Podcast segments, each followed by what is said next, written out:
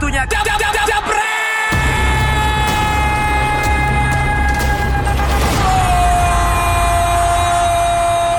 ini ada yang berbeda. Hostnya, lihat ya. Aduh, jadi takut nih saya nih, jadi host pertama kali. Aku Ini jangan jangan dibully nih langsung nih. Jangan-jangan langsung uh, out gitu ya, Bung Binder out enggak lah. Semua itu pada kangen sama Bung Binder. Tapi Bung Binder ngomong-ngomong, Oke. kita kan uh, nanti nyari uh, dua orang yang akan berangkat ke Inggris. Nah, Jebret Stadion ini udah banyak banget nih uh, Jebreters di rumah yang ngirimin videonya dan kreatif Kreatif-kreatif, banget, ya, betul. Gitu. Jadi, yuk uh, selain kalian sudah memenuhi ketiga kriterianya, Nesa ngingetin lagi, hayo harus bikin videonya juga yang sekreatif mungkin. Jadi pertama-tama, persyaratan pertama, kalian akan mendapatkan satu poin kalau kalian mengirimkan video yang berisikan uh, alasan kenapa kalian itu adalah kandidat yang tepat untuk diberangkatkan ke Inggris. Lalu jangan lupa juga bikinnya sekreatif mungkin ya. Dan lalu poin kedua, kalian akan mendapatkan dua poin kalau kalian mereferensikan teman kalian untuk men uh, follow Instagramnya Jebret Media dan poin ketiga diberikan untuk kalian yang mereferensikan teman kalian untuk langsung mensubscribe in, uh, YouTube channel Jebret TV ini. Oke, balik lagi para jebreter Ya semua. gak seru ah, harusnya Dan saya tadi Orang baru nyampe gimana? balik lagi gimana sih, Gir? Iya harusnya saya dong di sana. Walaupun susah Boleh juga gak sih dikasih kesempatan ngomong dulu ke kalian, perkenalkan diri dulu, saya siapa, kenapa saya ada di sini.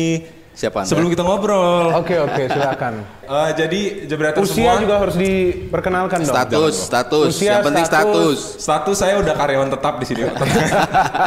Oke, jebreter semua kembali lagi di Dewan Pandit Indonesia bersama saya Gary yang baru aja kemarin balik dari Filipina dan sekarang udah ada dua pandit karena kita bakal ngebahas El Clasico. Di sini udah ada Om Haryo yang kayaknya Barca banget dan Kayaknya, juga kayaknya. kayaknya padahal mah Liverpool. Dan satu lagi ada Bung Binder yang kayaknya Madrid banget. Nah, saya sebenarnya di sini gantiin si Panji yang lagi OTW. Jadi prosedur harus turun gunung ya. Iya. Bentar, bentar, Demi tanda tangannya lo aja, jangan jangan jangan Panji. Amin, amin, amin, amin. Oke, ah, langsung aja kita mulai ngelihat El Clasico ditundanya laga antara Madrid dan Barcelona. Ini melihat kedua tim baru aja melalui beberapa pertandingan di La Liga kan. Nah kalau bisa kita lihat dari eh, pertandingan sebelumnya, Barca memang em, secara permainan gitu-gitu aja. Madrid juga gitu-gitu aja walaupun keduanya memang sama-sama mampu untuk bisa meraih kemenangan. Tapi dari sisi kualitas di El Clasico sendiri menurut dua pandit ini apa udah mulai berkurang gregetnya?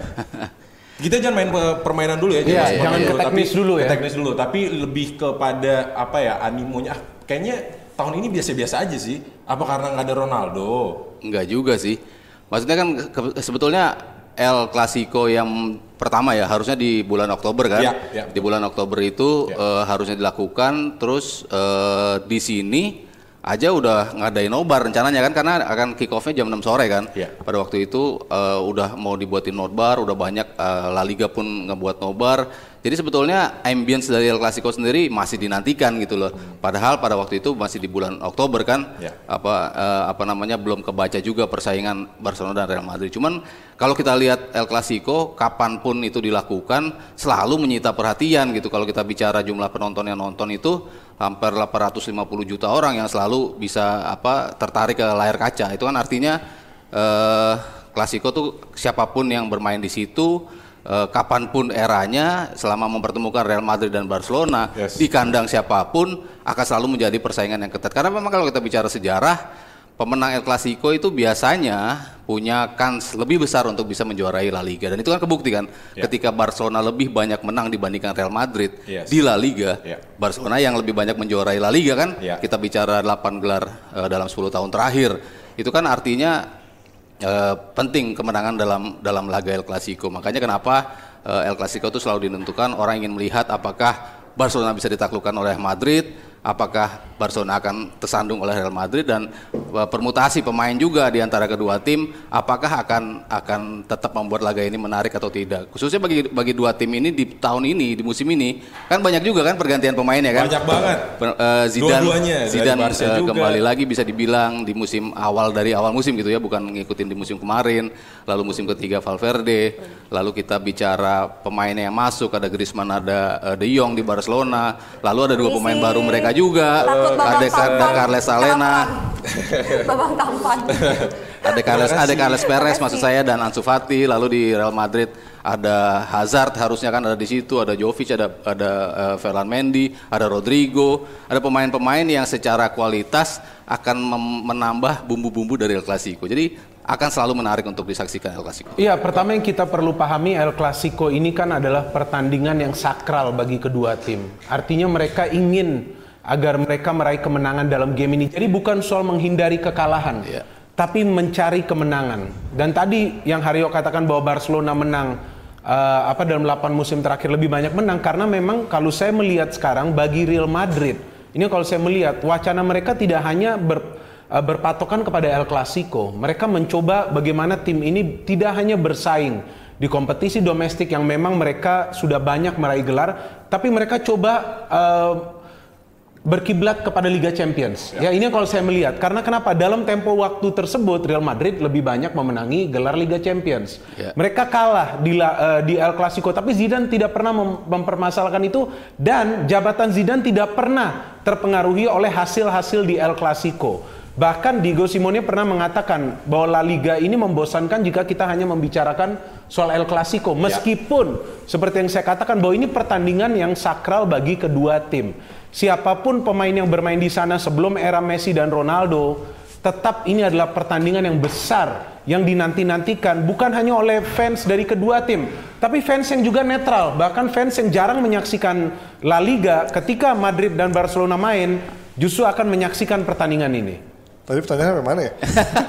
gregetnya El, Clas- Clasico masih ada gregetnya Masih nggak? gregetnya karena apa karena bicara dua tim ini kualitasnya kan lagi Oh, so-so iya, iya, lah iya, walaupun iya. dua-duanya masih ada di puncak klasmen ya. Iya, iya, iya. Tapi dari sisi kualitas dibilang agak kurang greget. Apakah greget El Tapi Clasico itu masih bilang masih ada greget. Masih, gue juga bilang masih dong. menurut saya Gak, akan pemainnya. gak akan Gak pernah hilang. Gak akan pernah hilang. Siapa pun pemainnya ini tetap adalah pertandingan yang krusial meski sekarang eh, pelatih juga tidak akan terlalu terfokus kepada El Clasico ini karena ini bukan lagi penentuan sebagai eh, gelar juara Ya, ya. Kita tahu jauh. ada tim-tim lain sekarang seperti Atletico, Sevilla yang dalam 5 atau 6 musim terakhir ini juga impresif.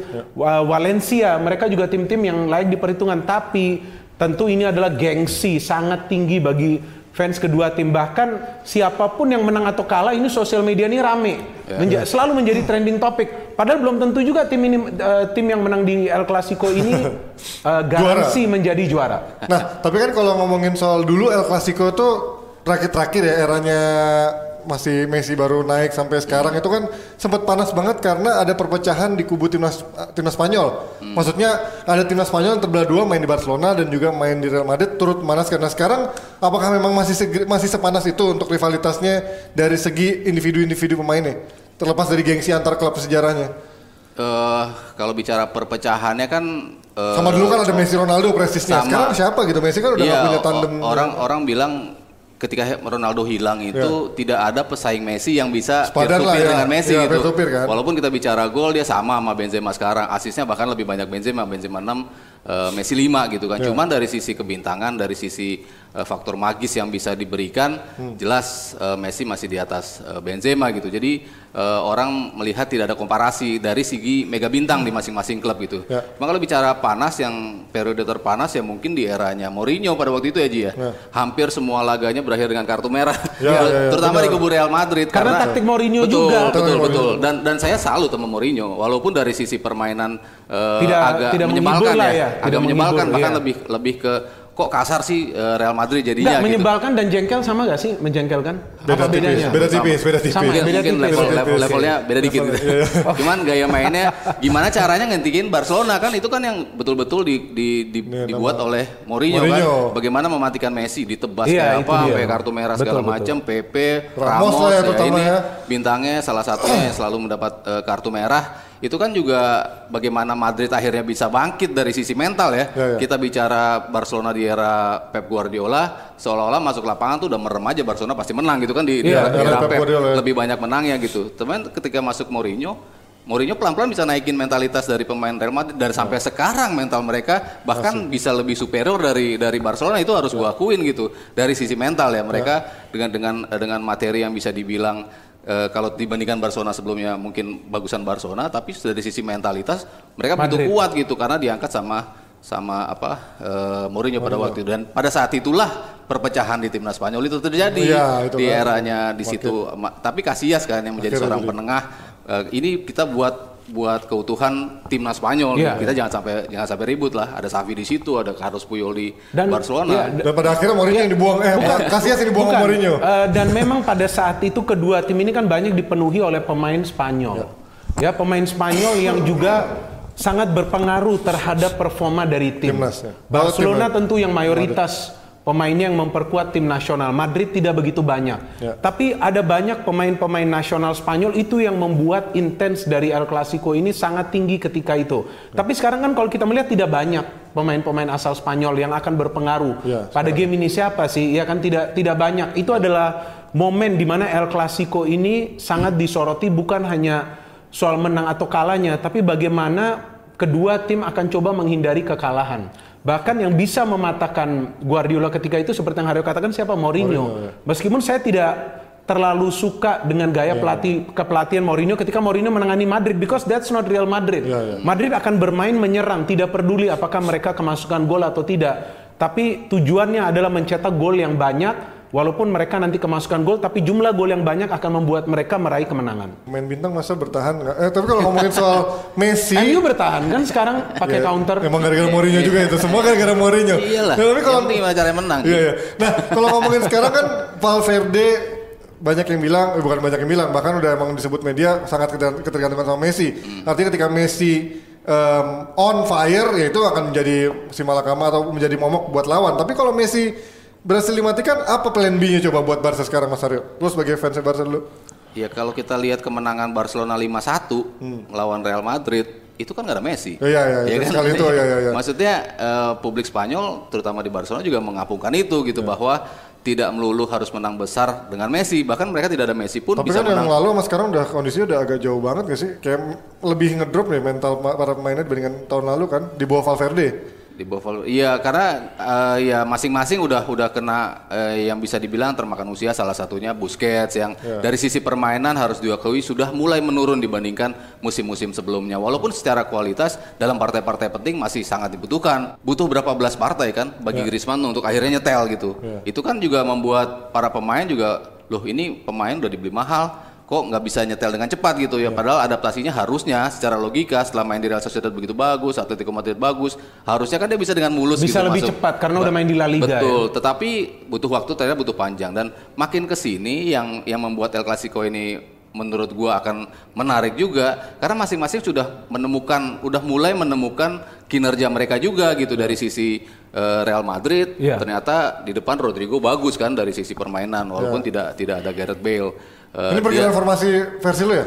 ya Ini ya, pasti ini the best team menurut lu ya pasti ya. Ya Jordi Alba membuktikan di partai terakhir ya walaupun mereka seri ya dua sama lawan Sociedad, tapi link up play yang dimainkan ketika ada Jordi Alba itu tidak bisa diberikan oleh pemain lain yang Ya. Tidak tergantikan. Tidak tergantikan. Itu terbukti di situ. Dan yang men- paling penting di sini siapa? Ada Rakitic di situ Ji. Ah, oh, Keti- ya, ketika ya. dalam 17 laga pertama dia hanya melakukan satu start. Iya. Sementara dalam lima laga terakhir dia memainkan semua start Iya. dan hasil Barcelona eh, kemenangan-kemenangan atas Dortmund eh, eh, lalu Kemarin lawan Inter. lawan Inter juga dia juga eh, memainkan eh, memberikan kemenangan juga sebagai kapten. Lawan kemarin Sociedad dia juga juga bermain. Jadi Trisula di mana Arthur tidak bisa bermain ternyata Rakitic bisa masuk ke situ. Dia kembali menjadi menjadi bintang di lapangan. Makanya kenapa eh, publik Spanyol mengangkat duel ini tengahnya akan terjadi antara Rakitic melawan Federico Valverde. Ini adalah duel baru El Clasico di lini tengah. Kalau buat Binder sendiri ngelihat sekarang Me- Barca benar-benar keter- ketergantungan Messi. Kalau dulu kan masih kita lihat masih ada Saviesta, Saviniesta, masih ada pemain-pemain lain yang memang pengaruhnya sangat besar. Ket- Ketika Messi mati, ini gimana? Iya, tadi kan eh, apa lu katakan bahwa Barca bisa menang dengan skor 5-1 tanpa Messi Messi, ya. ya. Tapi coba diperhatikan dulu Madrid itu lagi berantakan ketika itu. Ya kan? Memang Barca juga menang dengan skor yang sangat telak. Madrid bermain dengan mayoritas pemain pilar mereka, tapi tidak pelatih ketika itu Lopetegui kalau tidak salah Iya, belum Solari itu- ya. Itu partai terakhir. Iya, itu partai, terakhir, dia di ya setelah dia setelah dibantai. Tapi kan pemain ini seperti bermain tanpa disiplin. Mereka tidak bisa menahan keganasan para pemain Barcelona di mana Suarez kalau tidak salah tuh mencetak dua atau tiga gol, hat trick kalau tidak salah dia dalam game itu. Dan Messi ini kan tidak hanya uh, Barcelona ini tidak hanya Messi menurut saya. Kalau kita lihat di daftar top skor uh, klasmen sementara, ada Messi, ada Suarez, kemudian ada Griezmann. Madrid ini ada siapa? Cuman Benzema saat ini. Ini akan menyulitkan sekali bagi Madrid. Justru yang akan menyulitkan bagi Madrid untuk mencari plan B jika Benzema tidak bermain. Messi tidak bermain, ia masih bisa memainkan mungkin Ansu Fati di depan untuk menjadi eh, semacam pemain yang support untuk produktivitas Suarez dan juga Nah, Griezmann. Ini permasalahannya kan Bel eh Ha- Hazard kemungkinan cedera nih, Binder. Oke. Kira-kira kalau nggak ada Hazard, Ini kan kemungkinan karena ya, last ya. game Ya, dia tidak kira-kira bermain. Kalau kan? Hazard emang nggak Iya. nggak main gimana nih? Bakal berpengaruh besar nggak untuk El Clasico sekarang? Saya kira tidak. Ini kan eh, pilihan saya prediksi ya. Saya taruh Ramos, Varane karena memang tidak ada lagi yang bisa menggantikan mereka. Militao dicoba hancur, ya kan? Ia kesulitan untuk bekerja sama dengan Ramos. Marcelo juga bisa main. Iya, Marcelo juga saya pilih saya Mendy ya? pilih Mendy. Ya defensive uh, ability-nya lebih baik. Carvajal juga saya kira pemain yang sangat rajin naik turun. Saya pilih Modric dan bukan Cruz. Kenapa? Harus ada pemain yang bisa mengganggu pertahanan dari Barcelona, khususnya menyerang dari tengah. Ini perannya Modric bisa uh, sangat bermanfaat daripada Cruz. Jika Cruz main, Casemiro main, Valverde main, saya kira itu akan lebih defensif bagi Madrid. Artinya mereka akan lebih banyak terkonsentrasi di tengah tanpa ada pemain dari second line yang bisa melakukan pergerakan. Ke depan Rodrigo saya pilih karena ini adalah pemain baru yang mungkin belum banyak dikenal ya pergerakannya ya. Bisa menjadi pemain yang menyulitkan defense Barcelona. Benzema top scorer oke. Jika Hazard tidak bermain meskipun eh, saya sebetulnya tidak suka tapi ya saya kira Bale lah ini yang harus main. Ya Vinicius eh, akan sangat riskan karena Vinicius ini saya kira masih belum stabil dari segi kerjasamanya. Walaupun Zidane ini sudah memberikan dia lagi kesempatan untuk bermain, dia sudah mencetak satu gol. Tapi dari teamwork, Zidane ini kan pelatih yang mementingkan teamwork. Ketika Ronaldo eh, terus-menerus mencetak banyak gol, Ronaldo sendiri mengakui bahwa support dari rekan-rekannya ini sangat luar biasa. Bahkan Benzema ini bisa step back untuk memberikan peluang lebih banyak kepada Ronaldo. Ketika Ronaldo keluar, sekarang kan baru Benzema ini naik. Keluar. Musim lalu ia mencetak lebih dari 20 gol secara total, 25. 21. Eh, 25 total total secara total. Musim ini ia sudah mencetak 12. Ya. Sama dengan Messi. Ia juga mencetak eh, gol di Champions League. Sekarang ini kan mereka sudah tidak ada sosok Ronaldo. Benzema menjadi goal getter. Artinya dua penyerang sayap ini harus berfungsi untuk bisa mensupport produktivitas dari Benzema. Karena ia adalah pemain yang banyak mencetak gol saat ini. Jika Vinicius yang dimainkan, saya melihat permainan akan lebih eh, individual. Hazard memang belum menunjukkan performa terbaiknya, tapi ia adalah pemain yang berpengalaman. Oke, still untuk pertandingan besar ia bisa bermanfaat dan ini adalah El Clasico pertamanya. Sebagai individual saya kira ia juga memiliki motivasi untuk menunjukkan kapasitasnya. Pada saat ini dia bermain nih di pertandingan besar. Saya melihat lebih ke sisi non teknis. Jika Hazard fit karena ia tidak bermain melawan Valencia untuk bermain di pertandingan yang besar ini. Tapi kalau dari Binder sendiri ngelihat eh, dengan kekuatan Madrid sekarang, apa sih yang bisa diekspos dari Barcelona? Menurut Binder kelemahan Barcelona sekarang apa? Kalau kita melihat kelemahan dari Barcelona ini kan defense ini masih menjadi satu titik yang bisa dieksploitasi Betul, oleh tim lawan. lambat juga ya, segala tapi macam. juga tergantung performance dari Ter Stegen nih. Oh, iya. Kalau dia lagi on form, ini ini penjaga gawang sulit untuk bisa ditaklukkan. Ini kan beda dengan Walaupun kemarin blunder ya. Iya, iya. Walaupun dia kemarin blunder. Maksud saya kalau dia lagi on form, kalau dia lagi on form, iya. kalau dia lagi on form seperti ketika bermain di Dortmund, Iya. dia lagi on form. Dortmund ini kan dari penalti juga ya, gak bisa mencetak gol ketika itu main di main di Champions League. Beda dengan Real Madrid. Jika defense-nya ini tidak solid, masuk ke Courtois sangat berbahaya. Karena Courtois ini sekarang mulai diproteksi oleh defense. Tidak ada pergantian yang dilakukan oleh Zidane kecuali ada yang cedera. Varane, Ramos ini selalu bermain. Mereka selalu bermain dan memang kerjasama mereka selama ini bagus-bagus saja. Ditambah juga dengan dukungan dari Valverde di, di lini tengah ya. Kalau Haris sendiri dari Madrid apa yang bisa diekspos karena pertahanan juga sebenarnya nggak bagus-bagus amat walaupun memang kalau kata Bina tadi udah mulai di eh, mulai merapatkan apa mementingkan pertahanan juga sekarang kan Zidane. Karena dia kemasukan golnya Iya, di awal kan berantakan cukup- banget kan, cukup baru juga. sekarang udah mulai bagus sekarang. Ya mungkin ya Varane akhirnya makin ke sini akhirnya kembali ke formnya juga kan. Kalau di awal kan kelihatan banget berantakan Habis antara Piala Dunia berantakan banget kan. Betul, masih sampai awal musim pun masih belum belum stabil juga. Cuman kalau gue lihat tadi komposisinya yang disusun Binder, gue lebih takut kalau Madrid mainin Cruz karena di beberapa pertandingan kan memang komposisi Betul. terbaik mereka adalah Casemi- Ada Cruz, Casemiro, dan Valverde. Yang yang dipuji publik kan memang Valverde karena kalau kita bicara trio yang sukses Real Madrid dari 2014 kan memang Modric, Modric, Casemiro, Kroos. Casemiro. Casemiro tuh kan ngerusak permainan. Lalu eh, Kroos itu bisa eh, bisa membaca visi lalu mengontrol ritme. Sementara yang menjadi link up play-nya itu kan dimainkan oleh Modric gitu kan. Cuman Valverde itu bisa memerankan tiga peran itu sekaligus. Makanya orang betul-betul memuji peran Valverde. Dia bisa melakukan link up play dia bisa juga eh, menjadi pemain yang kasar eh, dalam tanda kutip seperti Casemiro. Dia juga bisa eh, menjadi jenderal di tengah seperti Toni Kroos yang menahan ritme. Makanya peran itu bisa dimainkan oleh Valverde yang eh, perannya Modric ya. Tetapi eh, bagaimana seorang jenderal yang asli di tengah yang dimainkan oleh eh, Kroos belakangan dan dia lebih produktif produktif juga sekarang tembakan-tembakannya juga lebih mengarah ke gawang lagi sekarang yang selama ini kan agak sedikit kehilangan arah kan peran eh, peran dari seorang Toni Kroos. Tapi ini betul-betul masuk. Ketika memainkan komposisi tiga itu menurut gua akan lebih berbahaya jika menghadapi apa Barcelona akan lebih khawatir ketika trionya di tengahnya Kroos. Baru Modric masuk di babak kedua menambah kreativitas yang biasa dimainkan di beberapa musim terakhir. Enggak, karena kalau dia memainkan Cruz, menurut gua Cruz ini kan melakukan passing ya, lebih banyak melakukan passing pergerakannya ini hanya sesekali. Ini akan terlampau defensif dan ini bukan bermain di Real Madrid. Ini bermain di Barcelona. Jika Zidane memilih untuk bermain trio Cruz, Casemiro dan Valverde di mana Valverde ini perannya sekarang untuk menemani Casemiro. Iya. Agar ia tidak sendirian berjuang di tengah karena kenapa? Defense ini walaupun tampil solid, ada peran dari midfield juga untuk memproteksi defense ini. Kita eh, bukan kita, maksudnya Madrid memerlukan Modric sebagai pemain yang bisa mengganggu pertahanan dari Barcelona dengan pergerakan second line. Ya, memang Modric ini sekarang formnya turun, bahkan ia jarang menjadi starter. Tapi seperti yang eh, saya katakan ini pertandingan besar. Pemain yang jarang diberikan kesempatan tampil akan tampil all out. Cruz oke memang eh, bisa jadi Cruz yang akan tampil tapi pilihan saya adalah Modric karena saya ingin Madrid menyerang juga ini bermain di Camp Nou.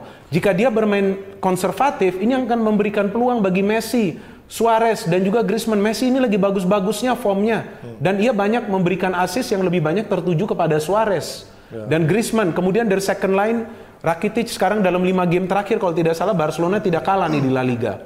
Ya, Rakitic performanya lagi menanjak lagi. Rakitic eh, permainannya seperti apa? Dia juga melakukan pergerakan ke depan. Melakukan pergerakan dari second line. Nah, itu yang juga diperlukan Madrid, pergerakan yang lincah dari second line. Yang saya melihat ada di diri Modric walaupun memang ya kita belum tahu juga apakah Modric ini bisa menjadi pilihan karena seperti yang Haryo katakan, tiga trio ini sepertinya dari Zidane adalah eh, Cruz, Casemiro dan juga Valverde. Karena solid ini tiga pemain dan mereka bisa memproteksi bola sebelum masuk ke defensive line. Nah, ini kan El Clasico ini mungkin buat Zidane nggak akan begitu pengaruh banyak ya. Tapi kalau misalkan kalah buat Barcelona, menurut Haryo, buat Valverde akan semakin menegaskan nasib dia nggak sih buat cabut dari Barcelona musim depan?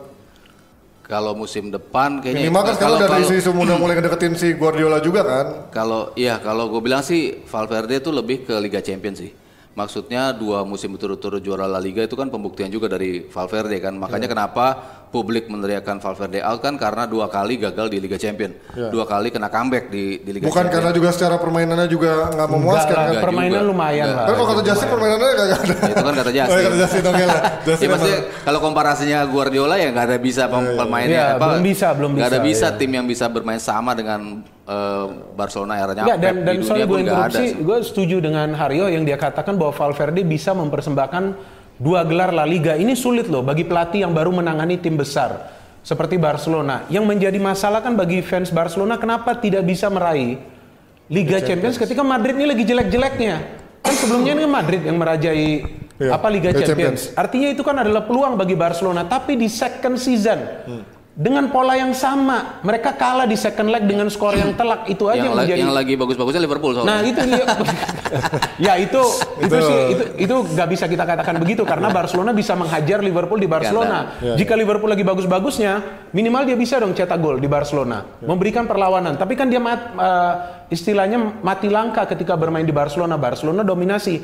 Kenapa ketika bermain away mereka eh, kalah seperti ketika mereka kalah melawan Roma? Itu yang menjadi sebuah tanda tanya dari kualitas Valverde. Tapi kalau mengatakan domestik, ini pelatih yang sudah oke. Sudah oke. yang, yang penting bagi eh, dipahami fans Barcelona adalah pemain itu mau Valverde ngelatih gitu kan yang, yang intinya kan itu kan Iya, bukan kita ini kita ya, kita iya. ribut kayak apa Betul, tapi betul, pelatih nyaman dilatih oleh Iya. Valverde terutama Messi gitu Pemain nyaman. pemainnya eh, apa pemainnya nyaman gitu dilatih oleh oleh Valverde makanya publik Barcelona sendiri eh, media di Barcelona ketika pemilihan itu jatuh ke Valverde ini adalah pemilihan yang eh, sangat apa ya safe ya bisa dibilang pemilihan Buset. Sepi amat pemilihan yang yang aman gitu bisa dibilang makanya kenapa dia Sepi bisa amat. terus Loh, berlanjut di ininya sebelah gua ini. Iya karena yang biasa gedor meja kan Bung Winner. Sebelah sini biasanya Soalnya mejanya. banyak yang nanya, kok nggak ada yang ngebrak meja, ngegas dong. Ya, gimana mau ngegas, ya kan lagi hujan-hujan. Macet-macetan tadi ke sini. Cakung soalnya cuaca mendukung nih. Cuaca mendukung. iya kayak gini kan enaknya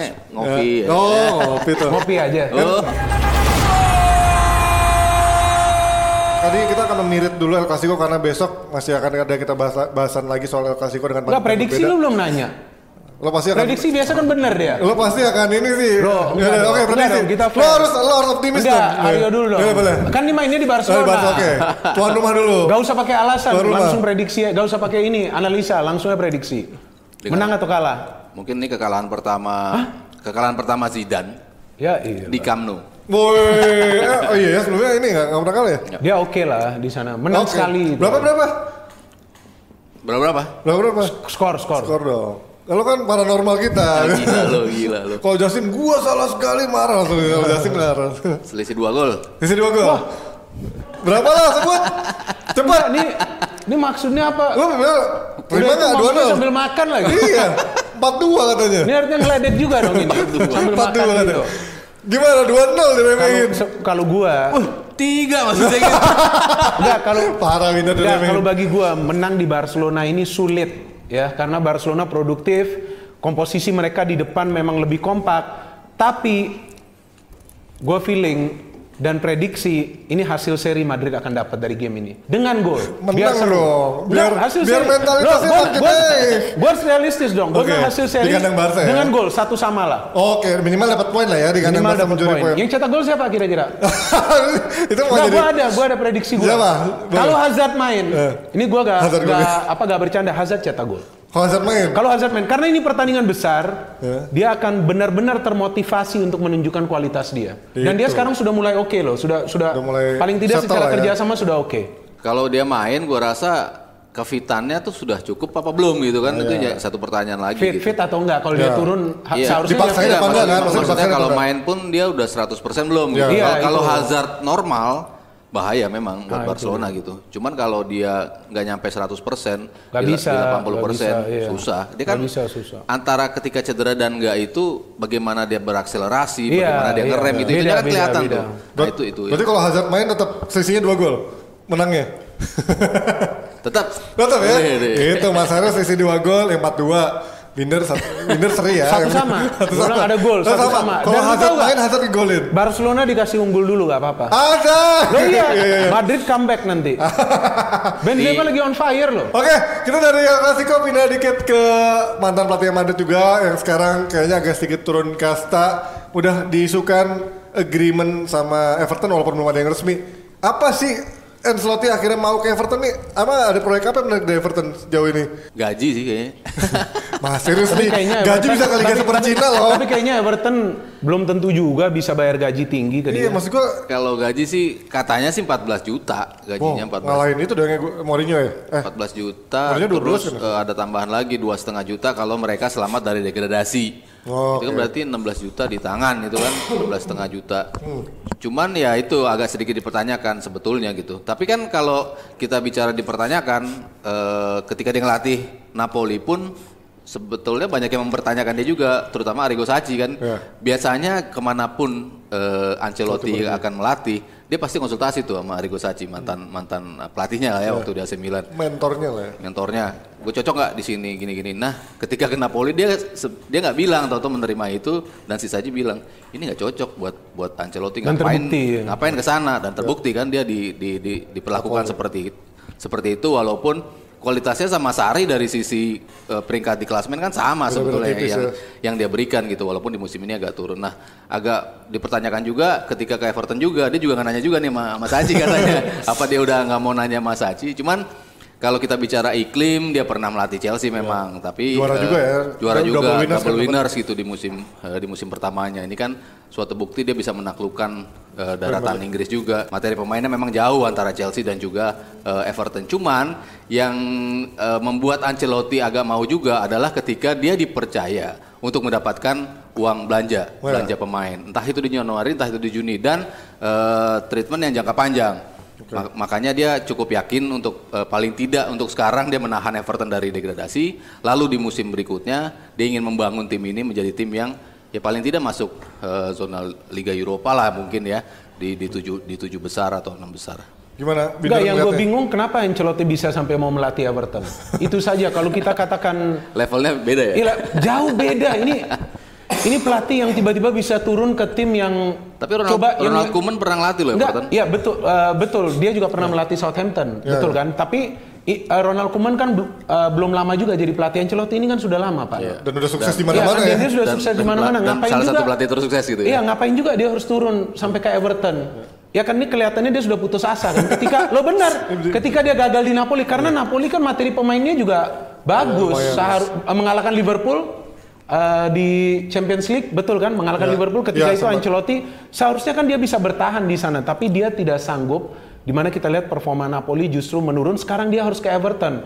Apa spesialnya dari Everton? Menurut gua tidak ada yang spesial di mana materi pemainnya juga tidak bagus-bagus amat. Itu yang membuat Everton juga sulit stay. Justru Everton sekarang lagi bagus dengan uh, mantan asistennya Si- pelatih iya, sebelumnya Ferguson ya, ya? Uh, yaitu uh, Duncan yang merupakan mantan pemain yang juga tidak lama berkarir. Spesial Uh, di, di- Everton, di Everton itu tidak spesialnya Everton adalah dia sekota sama Liverpool. Iya itu aja kan. tapi mer- tapi derby Merseyside yang kemarin juga saya kira tidak menarik Dibantai. karena form Everton kan lagi jauh di bawah. Nah ini yang saya mempertanyakan mengapa Ancelotti ke Everton. Tapi- Kalau bagi saya, saya membaca pikiran Ancelotti ini bagi dia untuk coba dia sementara melatih Everton sebagai stepping stone nanti ke klub lain. Ini bisa terjadi.